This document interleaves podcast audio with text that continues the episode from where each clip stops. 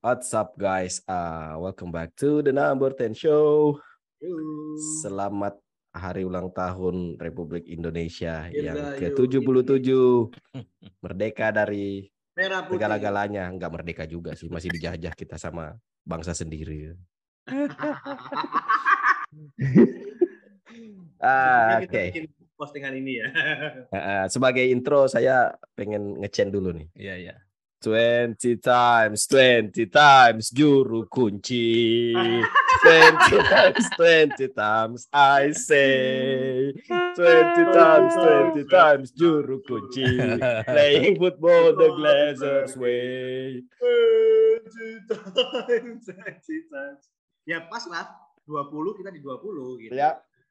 Oke, langsung saja kita langsung masuk ke review. Hey. Gimana minggu kemarin, Lats? Mental aman kah? Sudah rasanya nggak siap menghadapi buka-buka Twitter, buka Instagram itu rasanya gemeter, jari gemeter jari. Gemeter, gemeter ya. ya, jadi review kemarin di match kemarin pekan kedua United dibantai 4-0. Bukan hal yang mengejutkan sebenarnya. Bukan. Biasa aja sebenarnya itu United dibantai Brentford tuh biasa aja kalau Brentford bisa ngebantai United ya apalagi Brentford gitu loh. Ya. Iya iya iya. Sebenarnya kan di di review kita di match perdana Liga Inggris kemarin mm -hmm. di closing uh, pot kita terakhir kan uh, ada juga aku sampaikan menarik di game kedua nanti apakah Liverpool dan United bisa bounce back di laga kedua ini dan ternyata sama aja mereka. Tim itu sama aja. Gitu. nah, oke, okay, langsung saja. United Brentford, tanggapan dari Median dan Keketimi. Langsung saja dari Median. Gimana? Yan uh, Brentford United biasa saja kah hasilnya atau kamu ada menyoroti satu hal dari pertandingan itu? Sebenarnya menggemaskan ya pertandingannya. Hmm. Uh, kalau dibandingkan dengan yang match perdana kemarin pada saat lawan Brighton itu di di babak kedua itu masih seperti ada harapan gitu kan. Ya. Kalau yang lawan Brentford kemarin itu uh, saya menganalogikan seperti ini. Uh, ibaratnya seorang seorang pasangan itu itu nafsu seksnya itu tinggi tapi nggak punya niat tuh.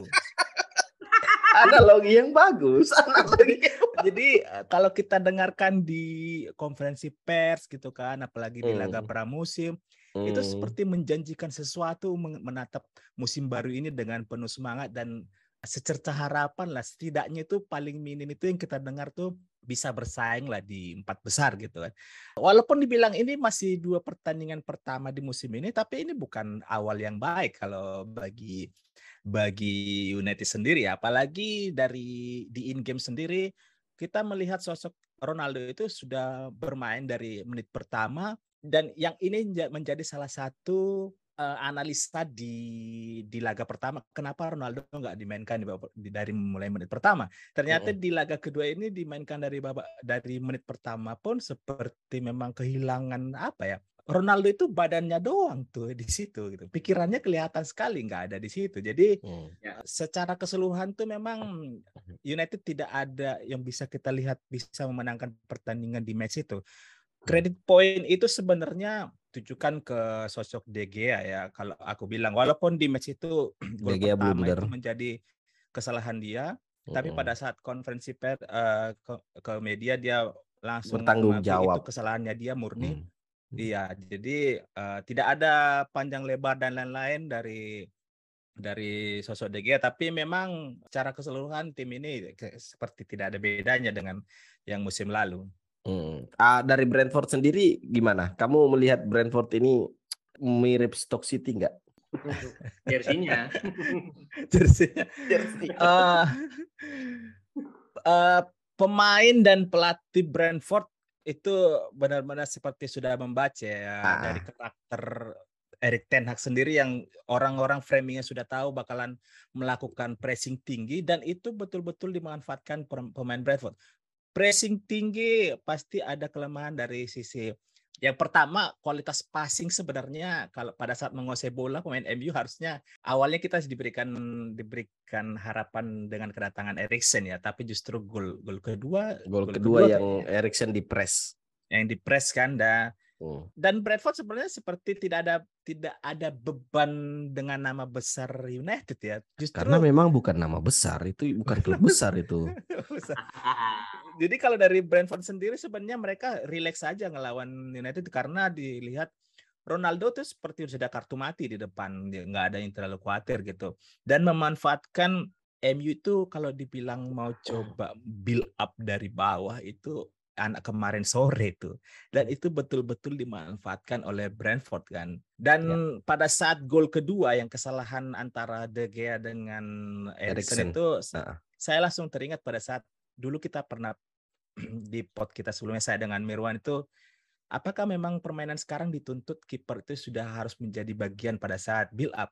Uh -uh. Uh, dan di contoh case-nya itu ya uh, De Gea, De Gea yang jadi sorotan memang di di musim kemarin kalau De Gea itu dicap tidak bisa build up, um, build up dari bawah menjadi bagian daripada saat proses penyerangan seperti halnya Ellison dan Ederson dan di match kemarin itu menjadi seperti konfirmasi memang hmm. De Gea itu bukan tipikal goalkeeper modern yang bisa di menjadi sekarang masih masih kiper seperti biasanya gitu yang hanya untuk sebagai stopper gitu untuk jadi lini pertahanan terakhir tapi memang secara keseluruhan Brentford tidak ada beban United seperti kehilangan arah hmm. di, seperti tertekan gitu Ten Hag hmm. pun di pinggir lapangan kayak uh, speechless dia ini hmm. kenapa siapa siapa yang salah ini hmm. gitu jadi secara hmm. keseluruhan sih match kemarin itu tidak ada yang spesial bagi aku pribadi yang uh, sebagai fans United ya.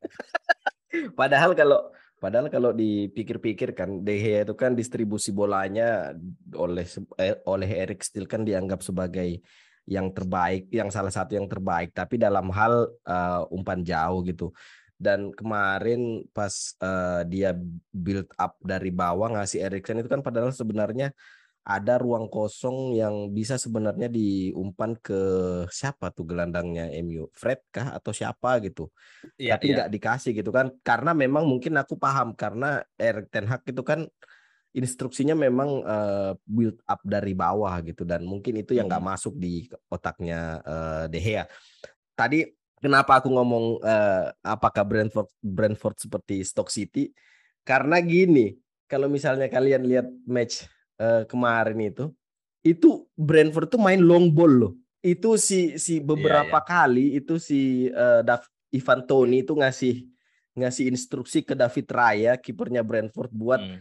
long ball langsung pinpoint pass karena kan yang hmm. yang awal si siapa si Tony itu kan Lisandro Martinez Lisandro sementara Martinez. Sementara Ivan Toni tinggi gede kekar. Lisandro Martinez uh, kekar tapi pendek gitu kan. Dan itu dimanfaatkan sama Ivan Toni. Dan aku juga sempat baca dari Atletik ternyata Ivan Toni itu memang dia waktu masih sekolah uh, spesialis itu uh, lompat jauh gitu. Jadi jadi memang dia atletik, jadi memang dia tahu spesialisasinya dia di mana dan itu dimanfaatkan hmm. sama dia. Dan ya Brentford berhasil gitu memaksimalkan kesalahannya backnya United. Kakak Timi, gimana Kak Tim? Brentford United yes, aku nggak kaget sejak pertandingan Brighton di mana memang MU mencoba apa namanya Ten Hag sih lebih tepatnya ya Ten Hag mencoba dalam tanda kutip kalau versiku adalah memaksakan skema baru di mana ayat dipindah ke United nih gitu di mana build up dari belakang terus kelihatan banget formasi saat mereka build up untuk maju menyerang itu kelihatan sekali skemanya gitu di mana uh, Lisandro Martinez dengan dengan apa namanya uh, Maguire itu dua agak maju ke depan kemudian kiri kanannya pada maju semua sehingga harapannya sih mungkin menumpuk pemain di tengah dan pemain di depan sehingga mudah untuk menciptakan gol tetapi sejak pertandingan lawan Brighton itu aku melihat United itu masih bingung gitu. Ini, ini gimana ini harus uh, build up yang benar itu gimana terus skema yang diinginkan itu seperti apa seperti pemain mayoritas pemain kecuali Lisandro Martinez kalau aku lihat dan juga Erikson aku melihat selain dua pemain itu sepertinya masih pada bingung gitu pas pertandingan lawan Brighton. Nah, kemudian pertandingan kemarin lawan Brentford nggak perlu waktu lama untuk membuktikan bahwa ya memang pemain ini masih pada bingung gitu. Kalau teman-teman ingat saat kalau nggak salah pramusim yang di Australia kemarin itu sempat ada tuh reels di Instagram yang menunjukkan De Gea dimarahi sama Ten Hag saat De Gea tidak melakukan uh, short pass ke pemain terdekatnya, tapi langsung long pass ke pemain yang ada di tengah. Nah di situ uh, kedengaran sekali si Ten Hag kayak What the hell are you doing, David? Ya gitu. Nah, di situ memang di satu sisi benar kata Mitian, atau tadi yang Yuran sebutkan juga bahwa uh, De Gea ini kan bertahun-tahun main di United dengan tidak pernah apa ya mendapatkan pelatih yang mengharuskan dia melakukan build up seperti layaknya uh, misalkan Ederson atau uh, layaknya siapa namanya Alisson Becker di di Liverpool ya di mana mereka tuh seperti terbiasa sekali untuk uh, build up dari bawah. Nah, tapi De Gea ini kan tidak, tapi dipaksakan di musim ini untuk menggunakan skema itu. Nah, di satu sisi para pemain yang lain juga tidak terbiasa dengan skema uh, yang ingin dibentuk oleh Ten Hag. Maka nggak heran juga sebenarnya kalau kita melihat keluar dari pertandingan ini pun dari sisi internal United, Ten Hag pun sebenarnya masih request ke ke boardnya United untuk paling tidak dua tiga pemain lagi deh di tengah ataupun di depan satu untuk bisa mendukung mensupport strategi yang ingin dia terapkan. Bahkan kemarin saat uh, ada salah satu jurnalis um, di Twitter dari, dari nggak tahu itu jurnalis mana ya saya atau Pak atau gimana dia mengkritisi seperti ini bahwa Ten Hag kesalahan United itu satu bahwa dia mencoba memaksakan membuat skema baru di bawah asuhan Ten Hag, tapi tidak disiapkan infrastruktur dasarnya, yaitu para pemain yang bisa menjalankan strategi itu, gitu. Hmm. Sehingga jelas mereka bingung gitu. Nah, itu saya pun mengamini ya benar juga karena dilihat dari dari apa susunan pemain pun kalau tak lihat yang sangat nyaman dengan strategi itu adalah Lisandro Martinez aja gitu di mana dia sangat enjoy dengan dengan membagi bola, enjoy dengan pola bertahan yang ada meskipun ya akhirnya kebobolan 6 gol sejauh ini ya, tapi setidaknya dari sisi build up permainannya kelihatan sekali yang paling enjoy adalah Sandro Martinez. Kemudian di sisi lain uh, Ivan Toni itu saat saat apa namanya press conference setelah pertandingan dia menjelaskan uh, memberi bocoran sih uh, kenapa si Brentford bisa sukses mengalahkan United. Simple, uh, mereka merasa United itu tidak nyaman kalau di press jadi United itu tidak tidak nyaman kalau di high press. Makanya nggak heran terjadilah gol kedua itu dan gol-gol yang lain pun hmm. sebenarnya tercipta juga uh, berkat dari itu dan juga serangan balik yang yang apa yang cepat juga sih ya.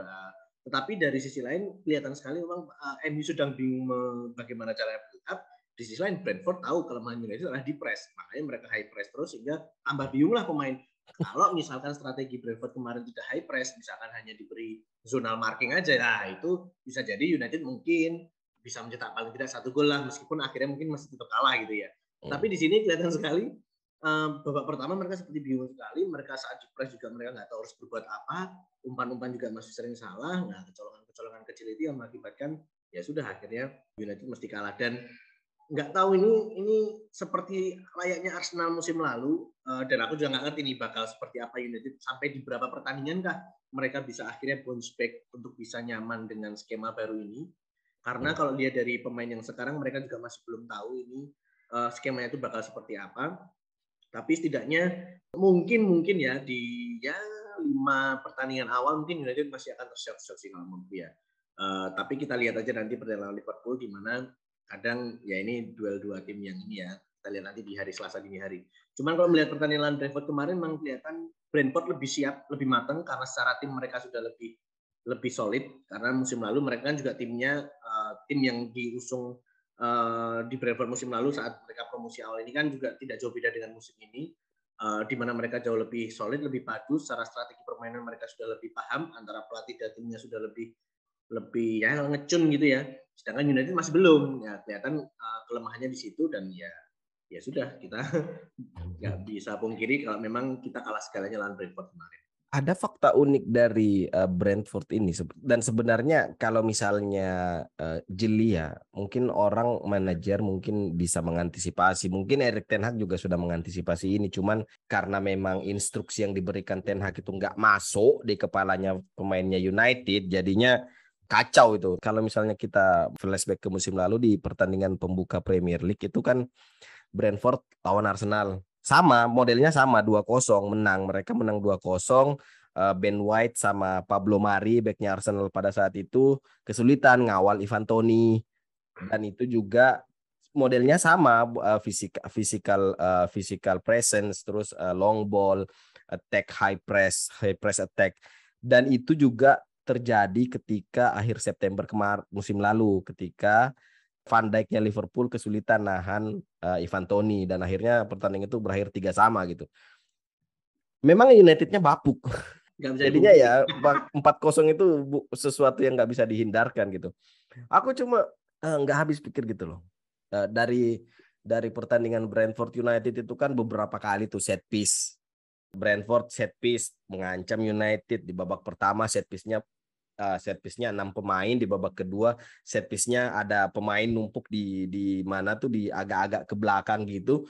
Dan itu ada si Lisandro Martinez apa Maguire menginstruksiin Erikson buat ngawal pemainnya Brentford. Dan bahkan golnya Ben Mi yang Lisandro Martinez dibully itu itu kan sebenarnya uh, Erikson tuh nggak nggak nggak ada di posisi yang sebenarnya agak off sih. Tapi yang menjadi sorotan adalah Erikson kan enam bulan terakhir main di Brentford gitu loh. Masa masa rutinitas set piece kayak gitu tuh dia nggak bisa ngasih bocoran gitu loh ke temannya. Dan itu yang aku nggak habis pikir apa yang salah dari United gitu. Ah, bukan apa yang salah apa yang nggak apa yang benar dari United selama semuanya salah semua sih kalau United. Sebenarnya kan di di konferensi persnya Erik Ten Hag itu dia sempat bilang uh, tim bertanggung jawab penuh atas hasil ini dan dan pelatih yang menjadi uh, sosok yang paling utama bertanggung jawab.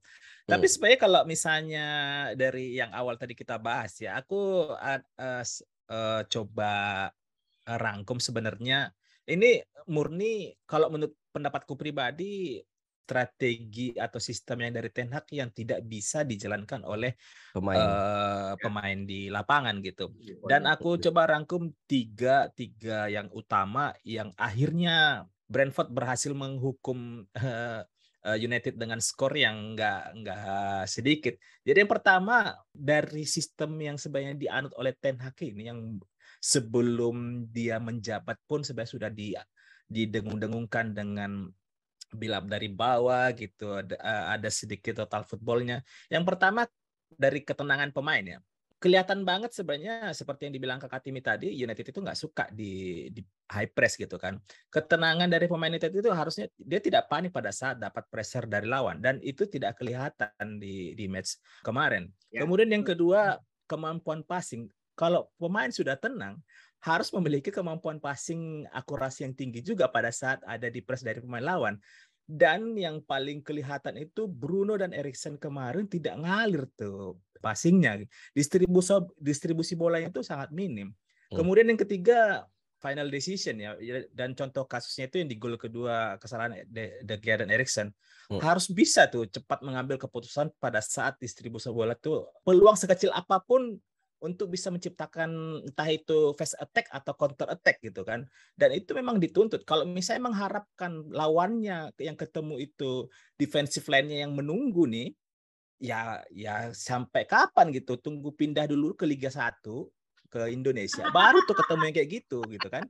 Jadi jangan pernah misalnya sudah bilang bangun sistem, strategi dan lain, tapi masih bergantung ke kalau lawannya nggak kayak gini, nanti kita kayak tetap kayak gitu gitu memang di sini bisa kelihatan sebenarnya Ten Hag pun masih butuh adaptasi.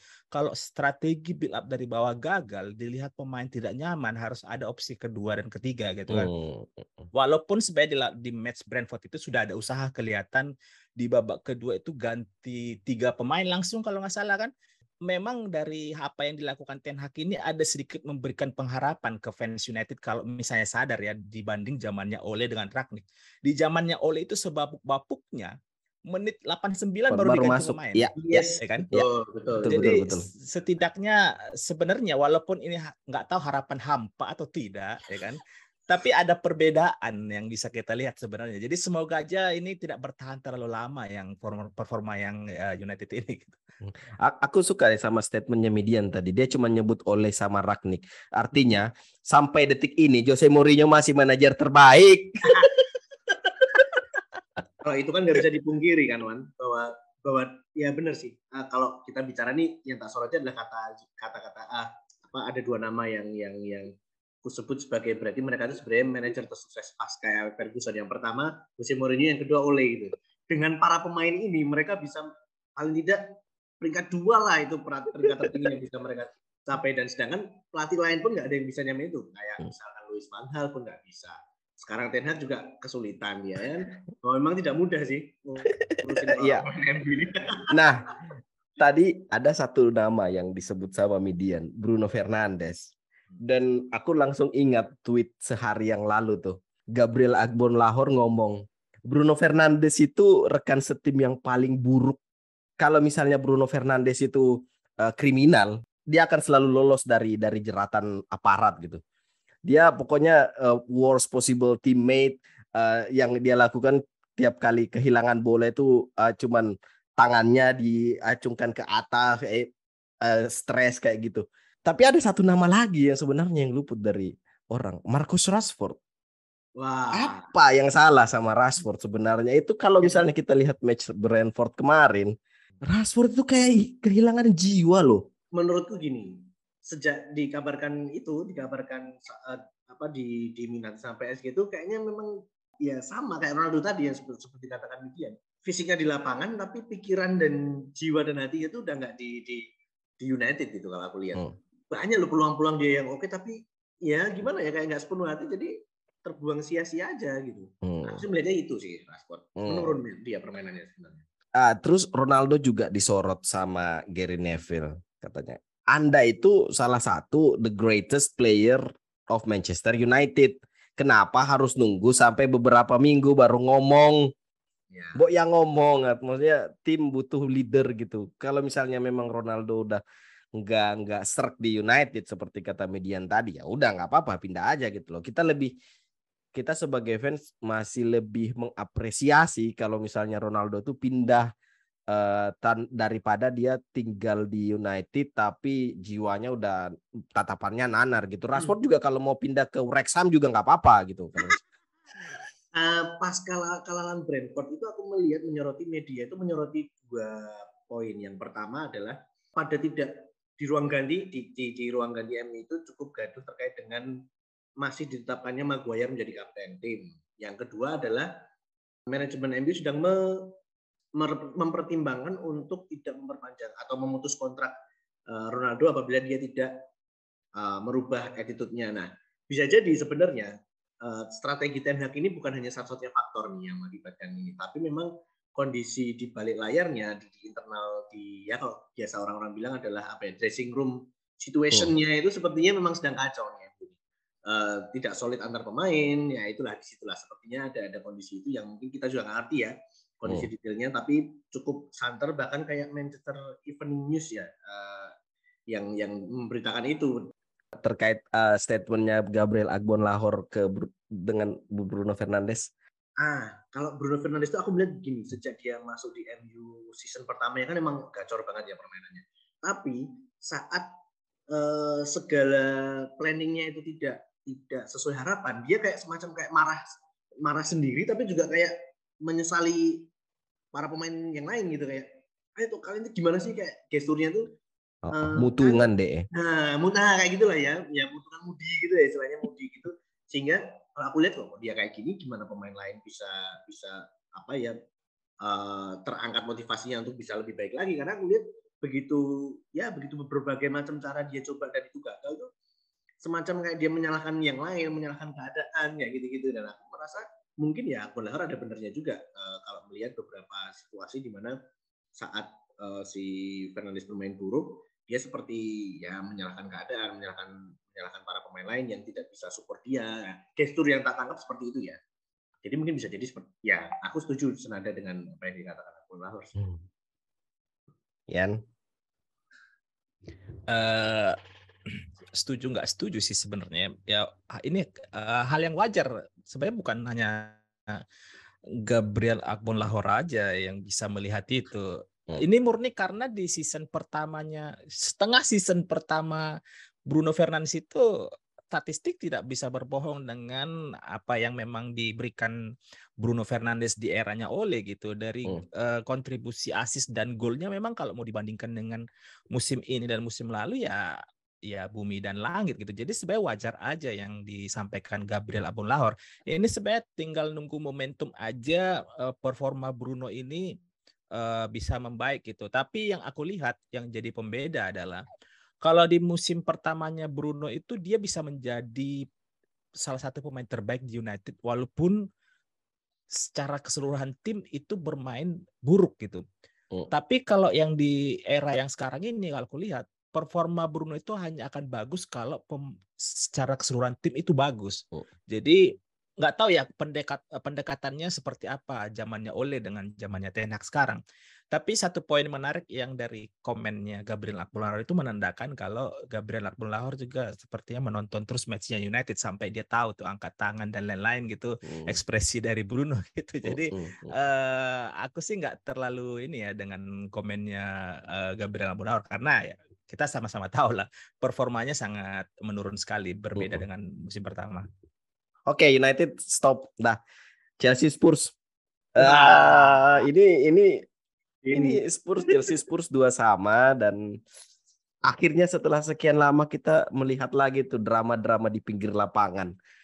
Ini karena Anthony Taylor ini sudah pasti.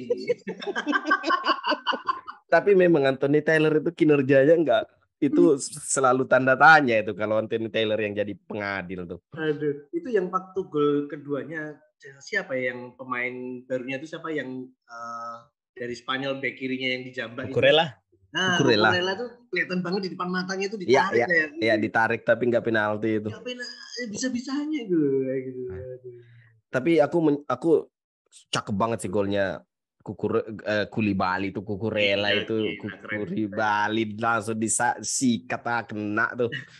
Ya, oke. Okay. Ya, mm, mm, dua sama Spurs Chelsea uh, Tuchel apa yang bisa kalian uh, ambil dari uh, match dua pertandingan derby London ini? Kalau aku memang nih perang strategi, kelihatan banget kualitasnya Tassel sama Conte ini nggak bisa dipandang remeh sih. Aku melihat babak pertama uh, yang awalnya ngantuk jadi nggak ngantuk karena lihat ketat juga nih uh, kedua kedua pelatih ini menerapkan strateginya oke juga. Cuman sayangnya saat itu babak pertama aku sudah harus tidur jadi nggak lihat dramanya ya. Tapi kalau melihat dari akhir hasil akhirnya kemudian uh, jual beli serangannya di, di highlightnya pun ya aku melihat memang ini ini dua dua pelatih kelas dunia yang yang yang apa ya yang memang tidak bisa kita remehkan begitu saja tapi hanya ada satu sih yang yang agak sesali kenapa dulu MU nggak jadi ngambil Conte sih gitu? Kalau ngambil Conte mungkin uh, apa ya uh, MU sudah bisa berada di di di apa ya di zona yang berbeda daripada sekarang gitu. Karena melihat bagaimana bagaimana dia bentuk tim Spurs dengan smooth dan juga Spurs yang menjadi kayak semacam beda ya. Aku melihat Spurs sekarang tuh kalau melawan tim-tim besar nih kayak mereka nih benar-benar berada di level yang sama gitu. Hmm. Um, berada di di apa ya secara secara apa ya kualitas permainannya, secara mental pemainnya saat dilihat mereka tanding pun meskipun ini mereka kemarin ini kalau kita lihat pertandingan Chelsea lawan Spurs ini mereka sebagai tim tamu tapi mentalnya tuh kelihatan banget mereka bukan tim tamu yang hanya datang dengan oke okay, kita tanding derby London uh, Chelsea tuan rumahnya kita pasti akan kalah lah kita bertahan untuk ngejar imbang hanya semata-mata, semata-mata kayak gitu jadi enggak itu nggak terlihat tapi yang terlihat adalah mereka harus bisa menang mereka akan ngejar sesuatu di situ gitu. bahkan saat mereka tertinggal oleh gol kerennya Kuli Bali itu mereka tetap tetap masih apa ya tetap masih bisa mengupayakan untuk bisa balik menyerang memberikan tekanan kepada Chelsea gitu dan ya memang uh, ya namanya Conte ya. Conte kan memang selalu kayak gitu ya. Dia sangat ekspresif apalagi di pertandingan-pertandingan yang genting apa pertandingan sepenting dari London ini di mana dia sangat sangat apa ya ya mungkin emosional juga sehingga akhirnya ya sama-sama memancing memancing um, emosi di pihaknya Tassel sehingga akhirnya terjadilah perseteruan itu. Kalau karena kalau kalau kalau misalkan aku melihat karakteristiknya Tassel yang memang dia cenderung yang pendiam cenderung yang tidak mau cari masalah. Jadi memang dari dari intrik atau atau apa ya ketegangan kemarin memang sebenarnya dari si Conte-nya sendiri. Selain memang yang mengakibatkan adalah si Anthony Taylor tadi yang sudah disebutkan karena memang beberapa keputusannya memang cukup kontroversial sih di pertandingan kemarin tapi skor akhirnya menunjukkan memang ini pertandingan yang ya derby harusnya seperti ini gitu sebenarnya karena aku nggak nonton match ini jadi aku hanya lihat highlightsnya aku tertarik tadi Wah. mau mengomentari Wah, eh, ketinggalan uh, kalian nonton match sebagus itu. aku tertarik yang menanggapi yang disampaikan kakak Timit tadi terkait uh, Conte ya. Uh, mm. Tottenham ini di musim ini di pot kita sebelumnya juga uh, sudah kita bahas uh, walaupun banyak orang yang beranggapan transfernya Tottenham ini kelas pemainnya itu yang yang medium uh, bukan bukan yang bintang Richarlison pun katanya bukan bintang gitu kan. Hmm. Tapi kita bisa melihat sebenarnya dengan adanya Conte ini transfernya itu efektif tuh mulai dari Bentancur kemudian Dejan Kulusevski gitu kan kemudian didatangkan lagi Ives Bisoma Uh, kalau mau menyambung ke yang United sebenarnya masalahnya yang itu sebenarnya bukan pelatih kalau sejauh setelah sudah Erik Ten Hag ini. Karena kalau misalnya ternyata Conte yang jadi pelatih United musim ini sepertinya akan mengalami apa yang dialami Erik Ten Hag sekarang. Dan kita ya. akan akan kita akan berkomentar uh, kenapa bukan Erik Ten Hag kemarin yang jadi pelatih gitu kan jadi uh, yang aku lihat Tottenham ini karena Conte dan Daniel Levy itu sejalan dia ambisinya gitu. Oh. Visi misinya itu sama, itu yang tidak ada di United gitu. Hmm. Visi misinya sama itu terlihat dari strategi transfernya, enggak yang muluk-muluk tapi di pos tertentu yang memang diisi gitu. Harry kalau misalnya Tottenham hanya mengandalkan musim ke musim uh, Harry Kane dan uh, Heung Min Son tanpa ada sosok kompetitif uh, dengan Richarlison mungkin opsinya hanya akan seperti itu aja gitu. Walaupun misalnya di akhir musim tetap aja Tottenham nggak nggak ada dapat apa-apa gitu kan. Tapi kalau di match itu dari kondisi tertinggal uh, entah itu bagaimanapun cara Harry Kane mencetak gol uh, ya ini selayaknya derby Tottenham bisa memberikan perlawanan gitu. Dari sisi Chelsea aku ngelihat sebenarnya ini bukan hasil yang terlalu buruk ya kalau kita melihat uh, persiapan tim ini di musim ini apalagi di laga pramusim apalagi tim Chelsea ini kehilangan uh, dua striker utama lah kalau misalnya kita bilang ya Lukaku dan Timo Werner gitu. Uh, hasil dua-dua memang secara apa ya kondisi sebagai tuan rumah itu memang bisa dibilang kehilangan dua poin gitu. Tapi dengan proses gol pertama uh, po, sepak pojok Kukurela kemudian uh, volley dari Koli Bali hmm. uh, ini bisa memberikan satu harapan gitu uh, proses transfernya Chelsea itu uh, bagus juga gitu bisa hmm. tidak yang apa ya Kukurela ya memang sudah menjalani musim di uh, di Premier League uh, Bali masih baru tapi dari proses gol itu kita bisa melihat apa yang diinginkan Tuchel itu sudah bisa diterapkan oleh uh, para pemain Chelsea gitu. Tapi secara keseluruhan ya Messi ini eh, ya seperti yang kita tahu derby London uh, jarang yang monoton ya. Uh -uh. Ya, um, Tuchel sebenarnya drama di pinggir lapangan Tuchel sama Conte Tuchelnya aja sih yang yang terlalu berlebihan itu iya, sebenarnya. Iya, aku setuju.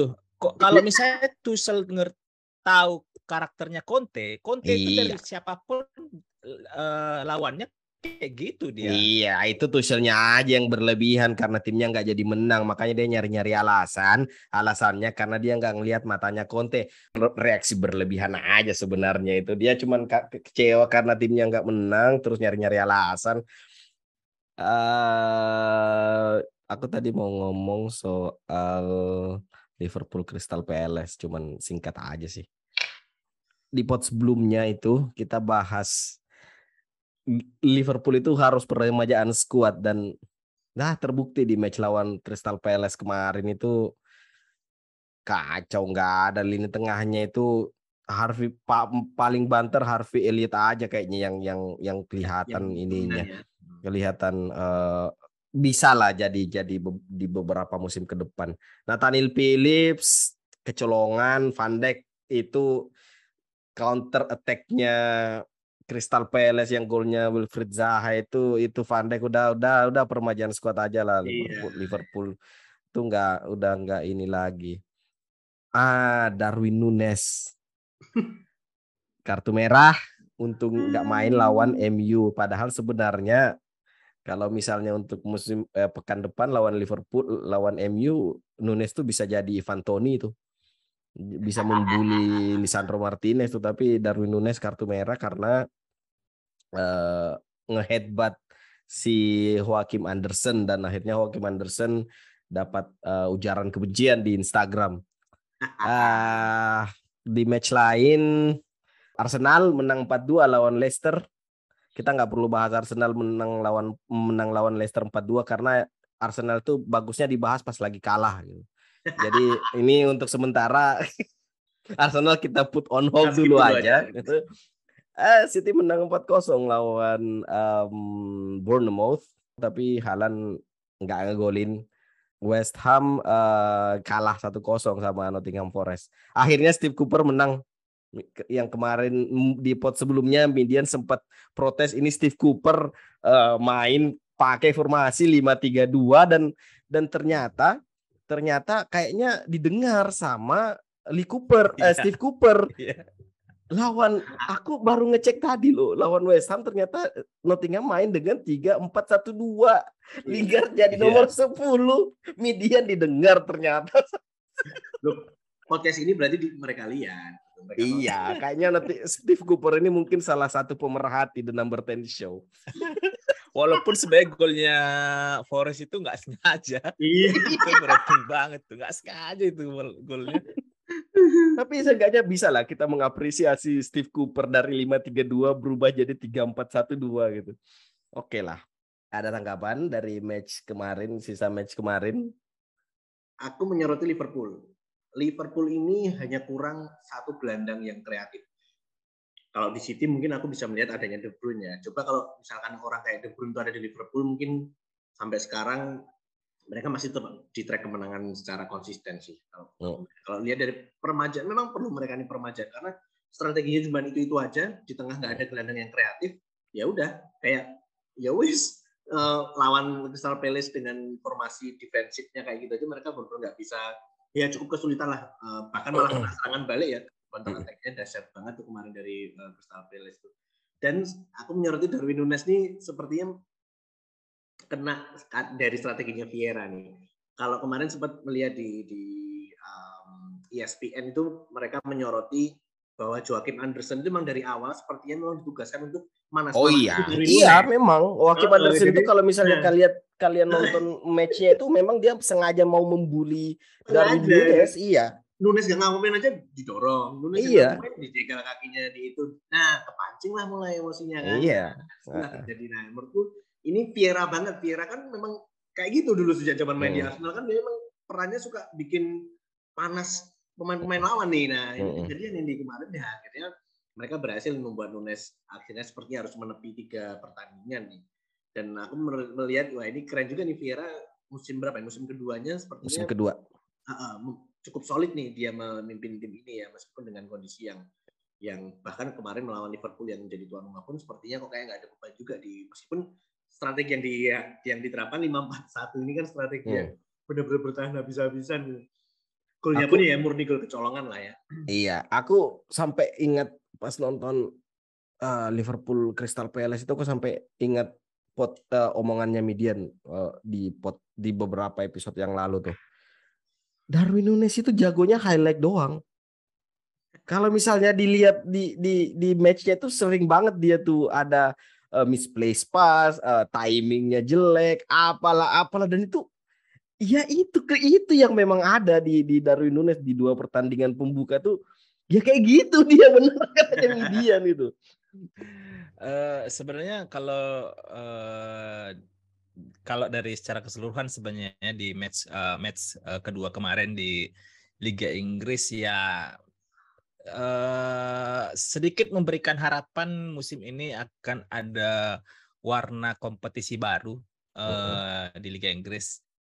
Khususnya ya dengan ya di dua match ini praktis hanya City dan Arsenal yang di atas angin bisa uh, meraup poin penuh enam uh, poin kalau mungkin di dua tiga musim ke belakang itu hanya didominasi uh, City Liverpool gitu kan. Tapi ya ini masih baru uh, dua pekan. Masih hmm. banyak yang harus di uh, dijalani. Tapi setidaknya ini bisa memberikan satu warna baru uh, di musim ini gitu. Jadi uh, semoga aja sih uh, yang fase yang sekarang ini ada ada satu plot plot yang lain gitu ya plot twist yang lain gitu Liverpool harapanku sih bisa bangkit menemukan performanya gitu uh, supaya supaya ada yang mengganggu City gitu. Karena aku sampai sejauh ini kalau mau mengharapkan Arsenal yang jadi pengganggu City itu kayaknya ya sorry itu saya ya nggak terlalu banyak yang diharapkan gitu. Kan Walaupun memang Walaupun memang Arsenal dengan pembeliannya Gabjes itu uh, sangat ini ya, sangat uh, seperti euforianya itu uh, ini pembelian sukses gitu. Memang hmm. ya kita bisa lihat dengan go proses golnya lawan kemarin lawan Leicester juga gitu ya. kan. Tapi dua digit gol uh, nanti tuh Gabjes. Dua digit. uh, aku berharapnya Big Six yang kita kenal itu bisa kembali berkompetisi gitu. Sebe karena itu sebayar marwahnya Liga Inggris itu di Big Six itu gitu kan. Kita nggak tahu mau sampai berapa tahun kita menunggu performa United, Arsenal itu nggak stabil gitu kan. Jadi marwah Liga Inggris itu ya di Big Six itu. Aku berharapnya Liverpool bisa menemukan form form terbaiknya gitu. Apalagi nanti di di minggu ketiga mm. akan ketemu United.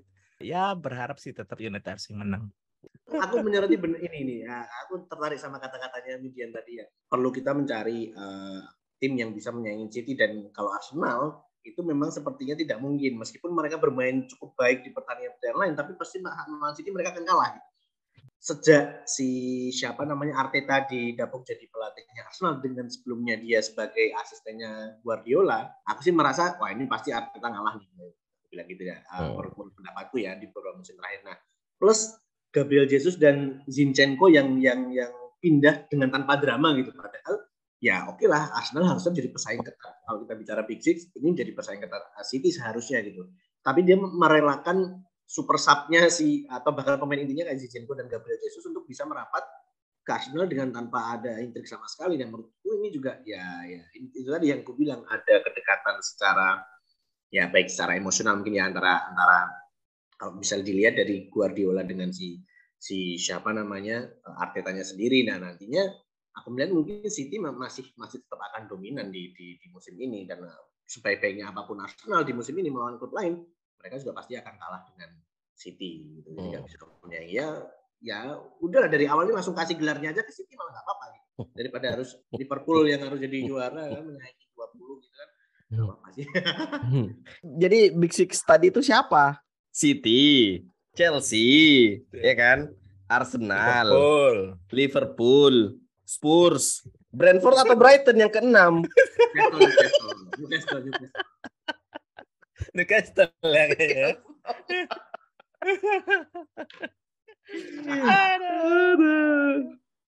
Ya oke, okay. uh, kita akan balik lagi ke segmen kedua di segmen kedua bahas karena ini adalah 30 tahunnya Premier League. Jadi segmen kedua nanti mungkin kita akan nostalgia tentang uh, 30 tahun Premier League. Uh, we'll be back.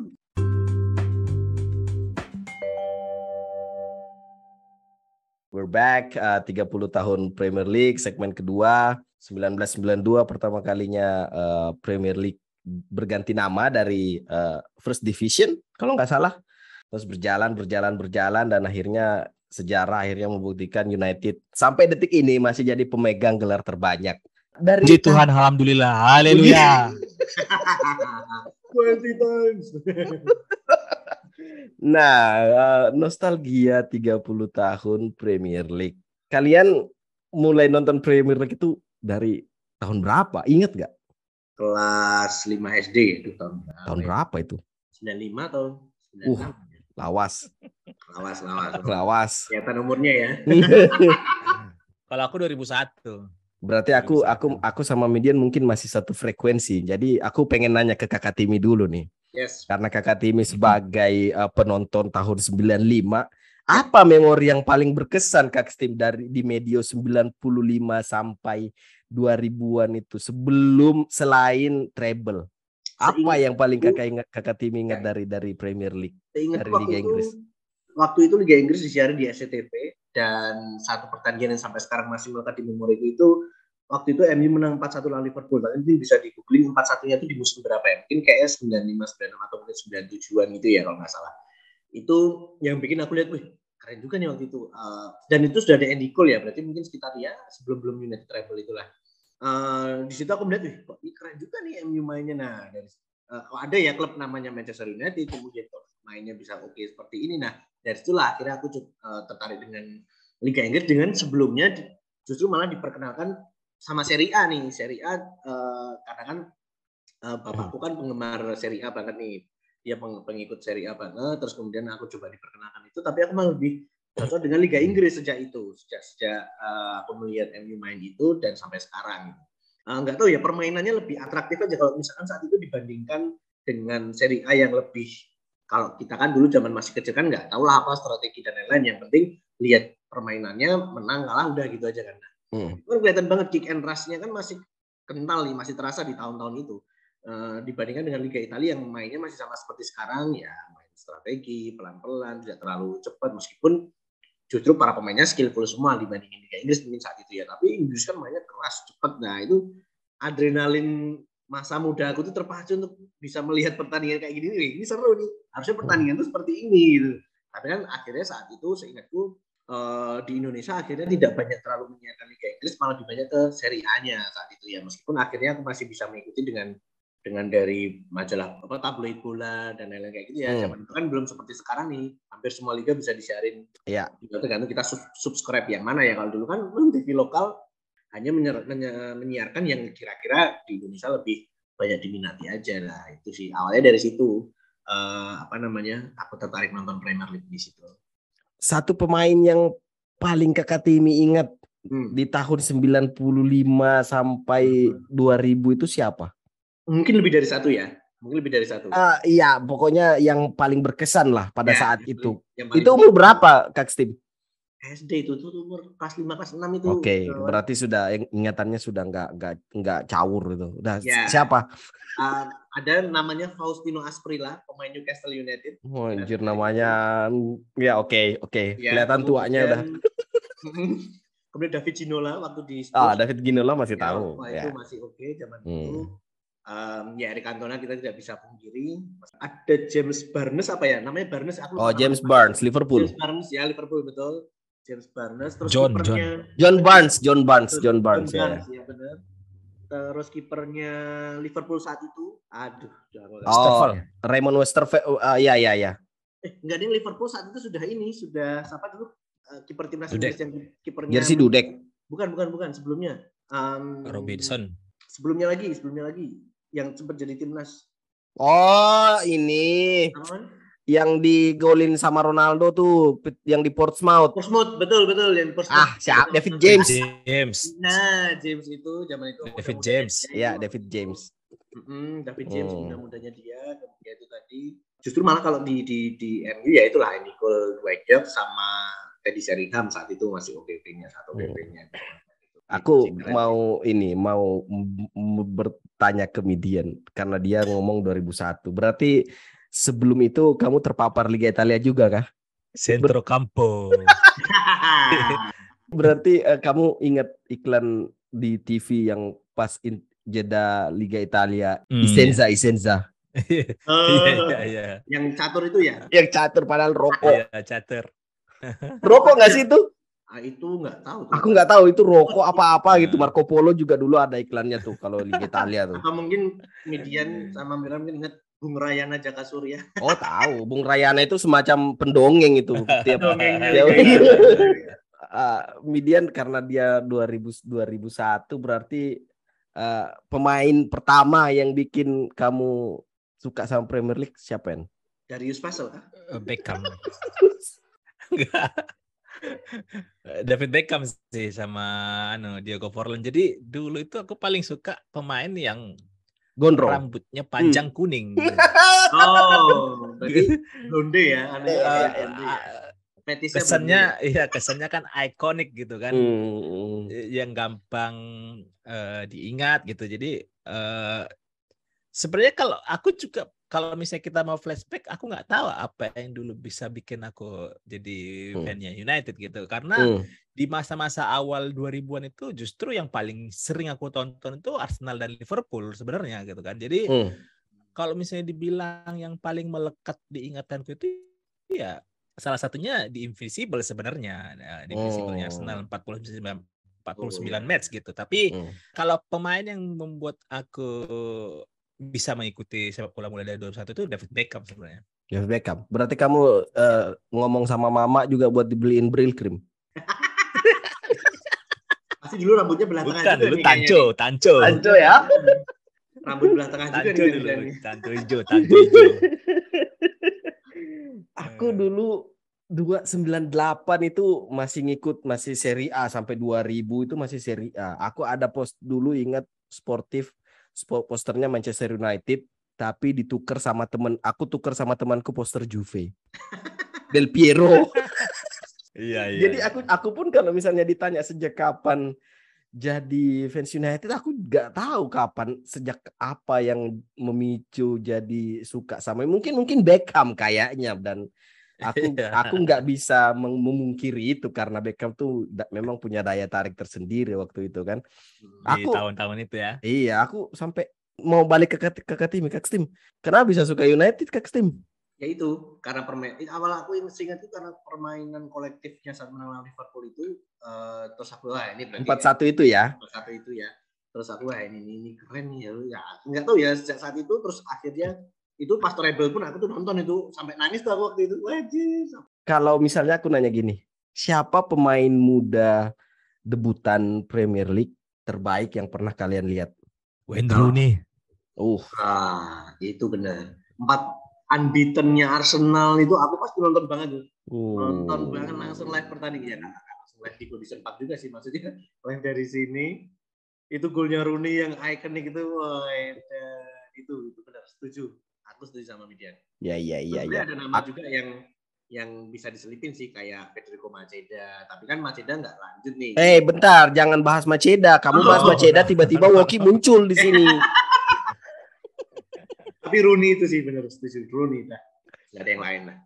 Berarti memang kita sepakat ya kalau memang Rooney itu memang ditakdirkan buat jadi salah satu pemain terbaik yang pernah bermain di era Premier League karena bahkan di luar di Inggris sana pun mereka sepakat kalau pemain terbaik Premier League itu Wayne Rooney, pemain muda terbaik debutan Premier League terbaik itu Wayne Rooney uh, ini kan karena sebenarnya 30 tahun ya, tapi ah. kita nggak usah terlalu jauh dulu coba. Ya. Uh, kalau dari Mirwan dengan kakak tim ini di periode 2000 sampai 2000 sampai sekarang lah mungkin atau 2000 sampai 2010.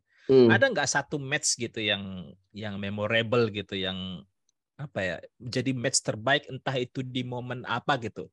Contohnya hmm. kalau aku ya match memorable buatku itu pada saat matchnya United lawan City 3-2 yang golnya Van Persie. Van Persie. Oke. Okay. Bebas gitu. Okay. Memorable bagiku itu karena itu pada saat itu nobar di di Kenus, Kenus. salah. Itu itu seakan-akan apa ya atmosfer Old Trafford itu aku rasakan walaupun mainnya di Etihad gitu kan. Jadi mm. apalagi di di menit terakhir itu mm -mm. semua kayaknya orang yang nggak aku kenal itu yeah. pelukan tuh itu jadi salah satu match memorable bagiku di oh. di uh, di dua, dari 2000 sampai yang sekarang ini. Sekarang ya. Kalau dari hmm. kalian ada nggak kira-kira yang satu ada match satu. ya gitu ya memorable? Aku ada satu. Arsenal United yang akhirnya uh, United menang 2-4. Yang itu uh, yang John Osi yang golin. Ya, John Osi ngegolin. Nah, itu itu dan Ronaldo juga ngegulin dua apa ya satu hmm, dua dia dua dua, dua ya itu, itu. yang berantem melawan Hen uh, Thierry Henry Ya, terus hmm. itu kalau nggak salah sebelumnya uh, Roy Keane sama Vieira tuh berantem tuh. Mm. Mm. yes, itu tuh tuh. Itu, itu aku aku ingat aku aku berburu sampai uh, emosi merinding ber di Haiburi ya. Haiburi itu dua empat iya. Masih Haiburi gitu. Itu bercampur aduk tuh lihat match itu tuh dan akhirnya wah lemes setelah pertandingan. Itu tuh satu pertandingan tahun 2005 kalau nggak salah. 2005 kayaknya tuh ya. 2005. Kalau aku ada beberapa ya. Salah satunya itu 2009. Itu aku inget banget itu habis lebaran. Pas momen lebaran Premier League main MU lawan City. Nobar di rumahnya temenku yang karena halal bihalal kan datang ke rumahnya. Ini cewek ini yang nah. yang nobar, yang yang punya rumah. Uh. Apa? Bukan, bukan lain, lain. Itu MU City yang 4-3 yang, yang Owen, Owen, Owen. Michael Owen, iya Michael nah. Owen itu nobar di rumahnya temenku itu aku inget banget duduk di samping temenku yang fans Juve gitu kan dia kan ngece terus tuh pas Owen gol menit terakhir itu aku tanpa sadar langsung mukul pahanya gitu teriak iya iya iya tapi uh, uh, satu lagi dari uh. aku tadi kan sempat kakak Timi bilang ya kita juga saya dan Mirwan eh, masih sempat ngelewatin uh, masa-masanya Liga Inggris kick and rush gitu. Hmm. Tapi kalau misalnya dari kalian sendiri preferensinya nih uh, mungkin ini akan subjektif ya. Jadi lebih menikmatin sepak bola yang akhir 90 awal 2000 atau yang seperti yang sekarang ini gitu. Karena kalau yang dulu di pot kita sudah sempat kita bahas sebenarnya uh, permainan sekarang itu strateginya itu mind blowing gitu gitu kan dulu kita yang awal-awal false nine itu berapa 10 tahun apa lima tahun kemarin itu yang false nine muncul gitu kan ya, ya itu eranya Guardiola itu di Barcelona uh, eranya Guardiola sekarang uh. sudah ada false fullback ada uh, uh, uh, uh, fullback uh, gitu kan segala macam gitu kan uh, uh. Tapi kalau kalian ini lebih menikmatin mana? Menikmatin yang memang anu ya, bukan hanya nonton United gitu ya. Jadi menikmatin secara keseluruhan sepak bola mana yang lebih prefer sih? Kalau Premier League, aku yang tahun 99 tahun 90-an karena apa ya, aku melihat tuh kayak seru gitu loh permainannya. Itu bisa kaki sama kaki itu bisa kayak waduh itu hampir dimakan setiap pertandingan. Setiap pertandingan tuh fisik adu fisiknya tuh kerasa banget gitu di satu sisi tambah ya itu terutama untuk beberapa pertandingan seperti kalau misalkan ya aku melihat derby London kemudian ya saat itu kalau di Inggris mungkin derby London yang yang apa yang cukup ini karena waktu itu City pun belum ter, belum ini kan belum terlalu bisa menyaingi United bahkan mereka terlalu sibuk di divisi Championship dan ke bawah gitu. Hmm, di situ tuh atau kalau misalkan rivalitas ya berarti United Arsenal lah kayak gitu. Itu mereka bisa hampir tiap pertandingan tuh berantem, hampir tiap pertandingan tuh rasanya tuh uh, adu fisik dan keseruannya fisik antar pemain uh, bahkan sampai kayak gontok-gontokannya itu masih kelihatan gitu. Sekarang kalau yang hmm. sekarang aku melihat agak kurang sih. Uh, justru malah mungkin kalaupun ada ya intrik-intrik kayak di pinggir lapangan seperti Chelsea Spurs kemarin. Tapi kan itu ya masih kurang. Kalau lebih seru lagi kayak di musim-musim tahun 90-an itu bahkan pemain di lapangan bisa hampir kayak berantem kayak gitu. Itu rasanya itu kayak ya atmosfer keseruannya berbeda lah. dan aku lebih menikmati kalau yang yang tahun kira 90-an sih sebenarnya. Hmm. Kalau aku mungkin mungkin nggak beda jauh sama kakak Timi ya. Maksudnya aku merasa ada yang hilang dari dari liga, dari sepak bola sekarang ini semakin modern. Aku nggak begitu menikmati uh, ada momen di mana aku merasa ayolah pasti kayak gini, pasti kayak gini, pasti kayak gini gitu dan bumbu-bumbu uh, micinnya itu nggak nggak nggak sebanyak waktu dua 2000 sebelum 2010 gitu.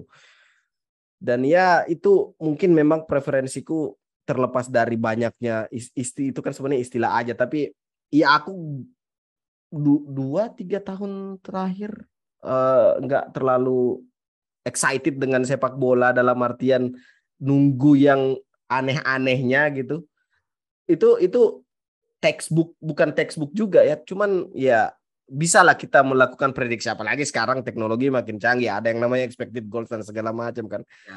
taktik juga kayak gitu. Jadi ya ada ada prediksi dan aku merasa itu secara nggak langsung mempengaruhi antusiasmeku dengan uh, terhadap sepak bola. Tapi secara keseluruhan masih bisa menikmati. Tapi kalau ditanya periode mana yang sekarang atau yang 10 tahun yang lalu aku lebih memilih uh, pada saat uh, kita belum begitu tersentuh dengan eh sepak bola itu belum begitu uh, advance seperti sekarang gitu. Kalau kamu gimana, Yan? Iya, sebenarnya memang uh, ya kita nonton sepak bola kan sebenarnya untuk hiburan ya. Mm -mm. Kalau hiburan yang kita lihat hanya menunggu siapa yang menang, siapa yang kalah, memang kurang. Mm. Hiburan yang sesungguhnya itu pada saat mulai dari di luar lapangan di dalam lapangan dan keluar hmm. dari lapangan hmm. gitu kan. Dan sebenarnya yang bisa menciptakan itu kita nggak tahu nih level rivalitas itu apakah hanya dilihat dari hanya histori saja. Karena kalau kita mau lihat seperti rivalitasnya United dengan Arsenal, ya kayaknya itu hanya ada pada saat di zamannya Roy Keane dan Patrick Vieira. Patrick gitu Vieira, kan. iya. Kemudian ditambah dengan sosok siapa manajer di belakangnya gitu. Jadi kalau misalnya dibilang preferensi, aku memang lebih suka dengan yang banyak drama gitu, ah. drama yang yang mulai dari sebelum main, ah. pada saat main, kemudian setelah main gitu kan. Yeah. Dan itu hanya bisa diciptakan kayaknya yang bisa men-trigger itu adalah sosok pelatihnya, manajernya. Sebenarnya hmm. harapan itu ada muncul pada saat Jose Mourinho ada ya, masih masih masih bermain dengan main gamenya gitu. Cuman hmm. sekarang kayaknya uh, praktikal aku lihat pelatih-pelatih itu lebih teoretikal ya. Mendalami ini memang nggak tahu kita nggak bisa juga. Ini memang kuncinya itu ada di Pep Guardiola sebenarnya yang melahirkan ini semua gitu kan. Hmm. kita nggak tahu berharapnya sih uh, sepak bola khususnya Inggris lima uh, atau 10 tahun mendatang uh, bisa melahirkan uh, sosok pelatih nyentrik unik gitu yang bisa membangun uh, rivalitas itu bisa di, ditumbuhkan lagi tuh karena kalau hanya kita menunggu siapa yang menang siapa yang kalah kayaknya ya kurang gitu. Itu hmm. entertainnya itu nanggung gitu kan. Jadi ya aku pribadi sih lebih suka yang banyak dramanya gitu. Hmm. Tapi bukan drama seperti aku nggak terlalu suka drama seperti yang ada di El Clasico. Drama di El Clasico itu terlalu berlebihan kalau menurutku.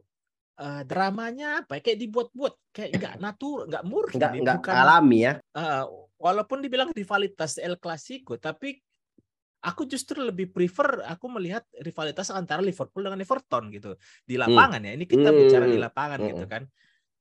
Uh, kita nggak tahu karena referensi tontonan kita di Liga Inggris kita jarang yang di Liga Spanyol yang yang membuat itu jadi seperti itu apa apa enggak gitu. Jadi mungkin kemungkinan aja bisa gitu. Tapi drama-drama yang kita nikmatin di Liga Inggris yang di awal tahun 2000-an itu itu yang menjadi kayaknya yang lebih menarik dibanding sekarang gitu.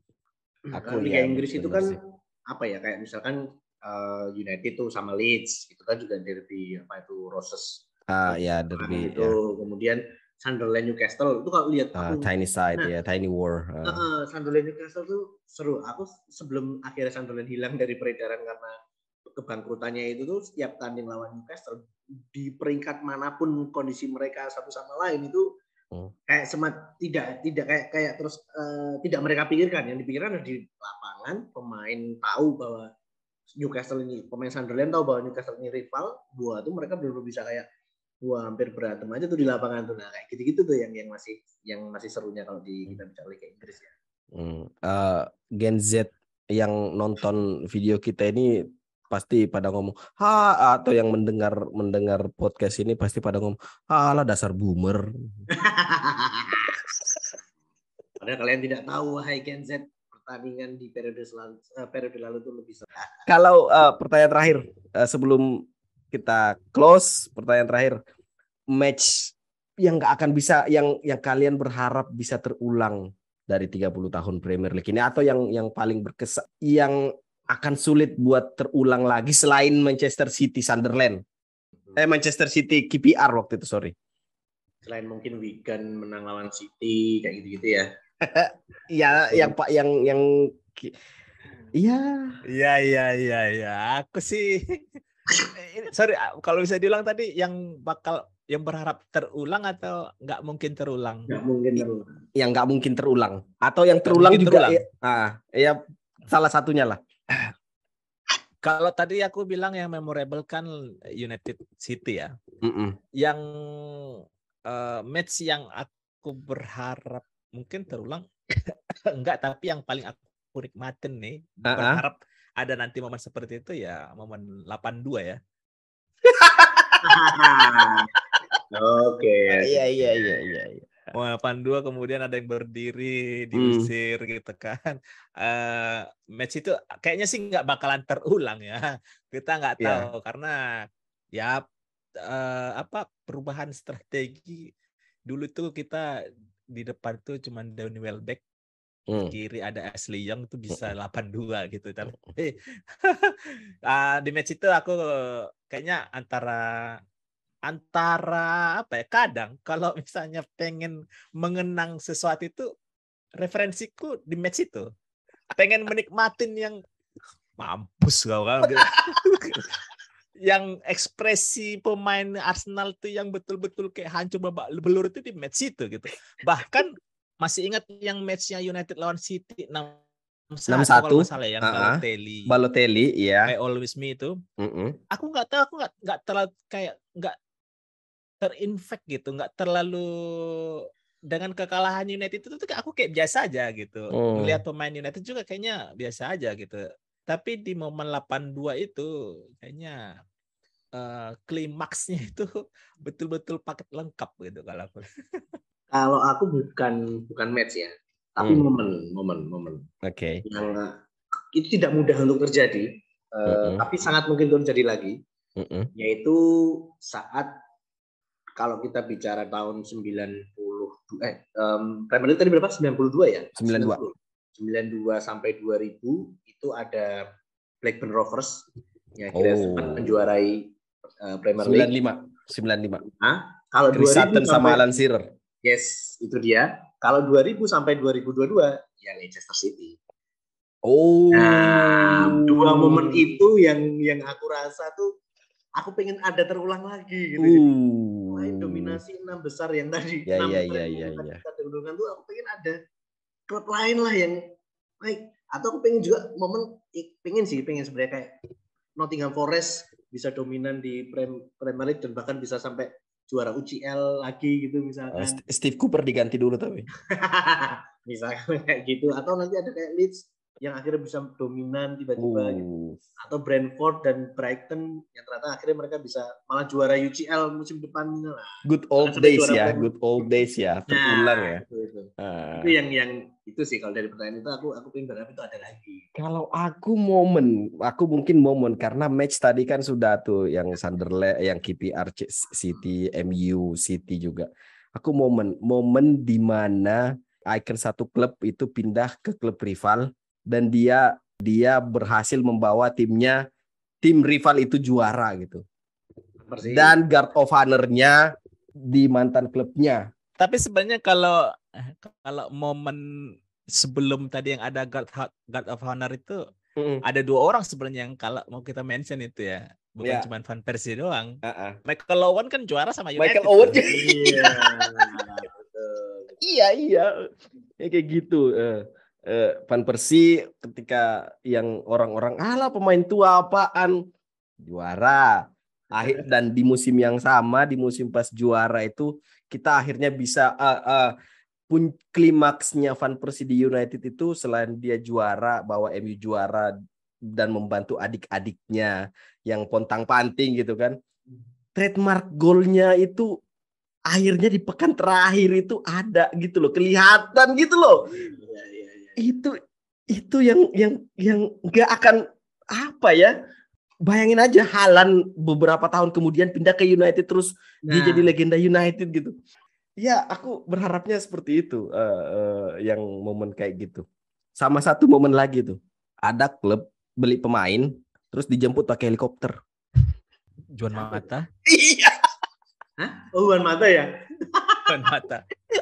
Tapi yang paling epic Van Persie sih. Momen kayak gitu tuh uh yang bikin Mana saat itu Van Persie kan pindah kan karena tidak diperpanjang, tidak ada pengajuan perpanjangan kontrak dari Arsenal kan. Iya, karena ada nah, anak itulah. kecil yang ngomong katanya. Ya. Entah dia cenah yang tahu, nggak tahu. Nah, tapi, tapi sebenarnya di momen transfernya Van Persie itu itu aku ingat banget sebenarnya aku betul-betul kayak nggak peduli dengan transfer itu loh. Hmm. Van Persie pindah kemudian presentasi dengan uh, Ferguson gitu kan. Mm -hmm.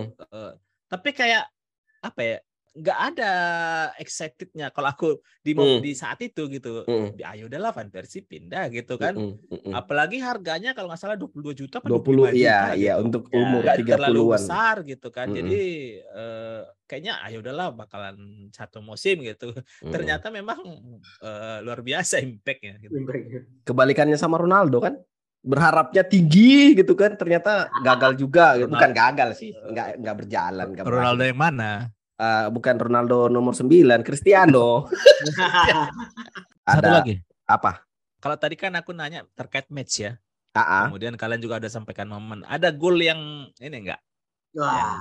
Yang, yang oh, kayak aku aku bisa cenaya enggak mungkin supaya nggak terlalu terbatas supaya nggak terlalu terbatas bisa tiga lah nggak usah satu Oke, okay. ya, mungkin ada mungkin dua pilihan nih. kita itu ada tuh di situ di tiga tiga tiga coba, dari coba. tiga gol itu mungkin pilihan kita ada tuh bar sama gitu coba apa Mirwan yang pertama Ronaldo Portsmouth oke okay. yang tendangan bebas apa yang jarak jauh tendangan bebas oke okay. uh, Wayne Rooney uh, salto lawan City oke okay. yang satunya bentar aku ingat-ingat dulu Jamie Vardy Liverpool Ah, yang counter attack ya? Yap. Hmm. Itu itu negatif football banget itu. Kakak Timi. negatif football banget itu. Nah, aku ada tiga nih, tiga kan. Papis Cisse lawan Chelsea. Uh. Di googling ya, tahun 2012. Iya iya iya iya. Coba lihat itu itu itu okay. kan kalau itu itu zaman Chelsea dominan dominannya loh. Iya. Uh, dan Newcastle saat itu ya inferior lah, tapi itu gol yang ngeri. Ya ya ya ya ya sepakat yang sama kedua, itu. Rooney lawan Newcastle gimana itu volley-nya yang agak emosional Rooney lawan Newcastle yang volley-nya ngeri itu dan itu dia saat itu pertandingan itu memang dia sangat emosional sih dari awal. Ya ya.